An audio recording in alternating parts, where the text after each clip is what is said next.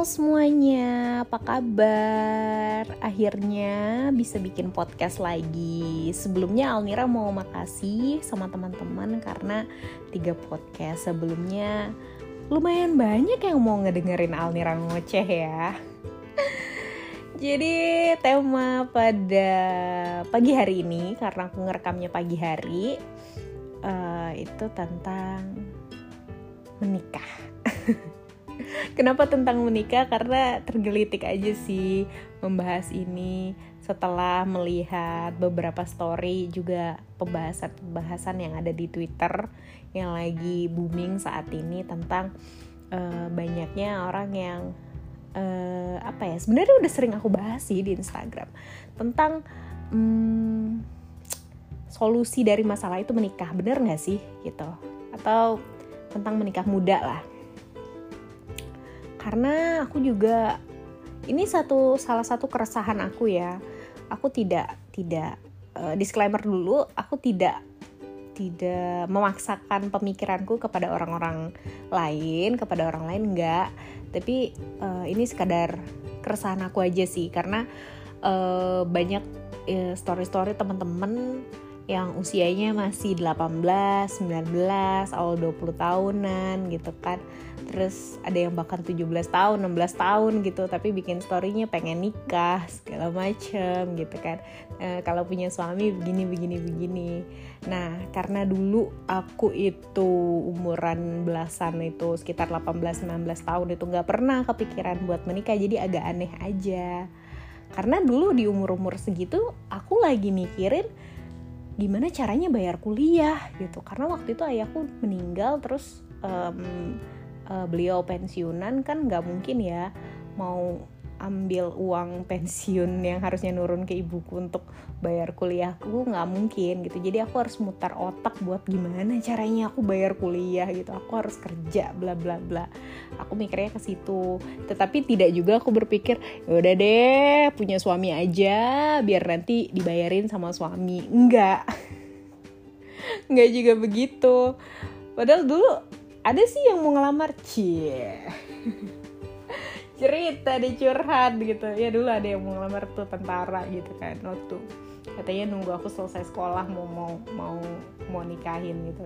Cuma I don't like ya dulu pikiran anak-anak masih kecil ngapain sih? Nggak nggak ada pikiran beneran yang kayak aduh aku mau nikah nih gitu. Nggak nggak nggak. Uh, terus juga dulu awal ini aku cerita dulu ya dari pengalaman aku ya dulu juga awal 20-an gitu alhamdulillah udah diterima kerja di Bank Sentral Asia waktu itu. Walaupun statusnya masih ya ya karyawan kontrak gitu deh.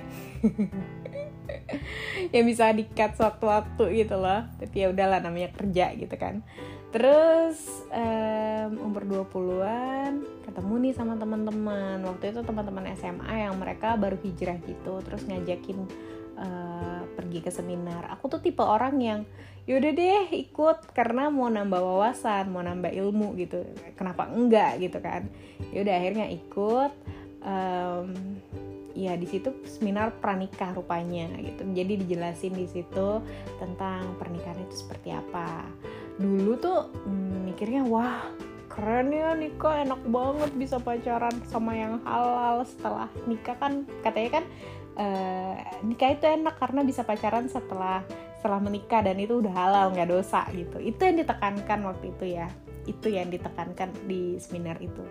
Nah jadi kayak eh, mungkin aku ke brainwash ya dulu ya. Kena brainwash gitu kayak oh ya ampun ya ya enak banget ya dapet suami gitu kan. Bisa bisa bisa pacaran setelah nikah bla bla bla gitu.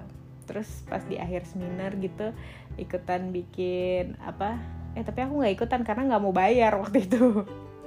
Jadi bikin CV gitu buat buat nanti ditaarufin gitu. Mereka bantu taaruf tapi bayar. Waktu itu 500 ribu kalau nggak salah. Jadi kita bikin CV terus CV-nya dikirim eh dikumpulin sama panitia penyelenggaranya. Terus nanti di situ ada uh, surat pernyataan gitu kalau misalnya mau membayar kalau misalnya uh, intinya bayar lah intinya bayar nanti dijodohin gitu. Kayak take me out gitu loh kayak take me out gitu nanti ya dijodohin gitu kan. Nanti dibantu proses taruhnya sama mereka gitu gitu. Ya aku dulu belum ngerti ya taruh itu apa gimana. Cuma taunya taruh itu nggak pacaran aja gitu. Terus nggak pacaran langsung nikah aja gitu. Ya walaupun sampai sekarang juga hmm, ilmuku tentang itu masih belum belum belum belum banyak ya. Tapi setidaknya kalau sekarang tuh udah tahu gitu loh uh, abis itu umur berapa ya itu ya? Iya, umur 20-an. Terus ya udahlah karena emang dulu belum pengen-pengen aja gitu kayak eh enak ya nikah. Tapi udah ya udah udah gitu. Karena terlalu banyak hmm, pekerjaan yang harus aku urus jadi nggak kepikiran lagi gitu. Sampai akhirnya setelah usia sekarang baru kepikiran um, menikah itu gimana sih? Menikah itu gimana gitu uh, nikah itu emang enak. Emang emang se semudah apa yang dulu disampaikan oleh pembicara di seminar pranikah waktu itu gitu kan. Apakah seindah itu gitu. Jadi aku sekarang lebih ke mencari tahu ya mencari tahu dari berbagai macam orang dan dari berbagai macam sumber. Jadi nggak cuma satu sumber. Tentang nikah itu gimana. Selain dari itu aku juga mengamati di sekeliling aku seperti apa apakah nikah tuh semudah itu. Nikah udah selesai gitu kan. Hmm, uh, apa tidak tidak tidak berdosa bisa pacaran setelah menikah bla bla bla. Apakah seperti itu? Apakah cuma itu yang dipersiapkan gitu? Sampai akhirnya uh, persiapan nih sebelum nikah. Tentu pertama pasangannya dulu ya.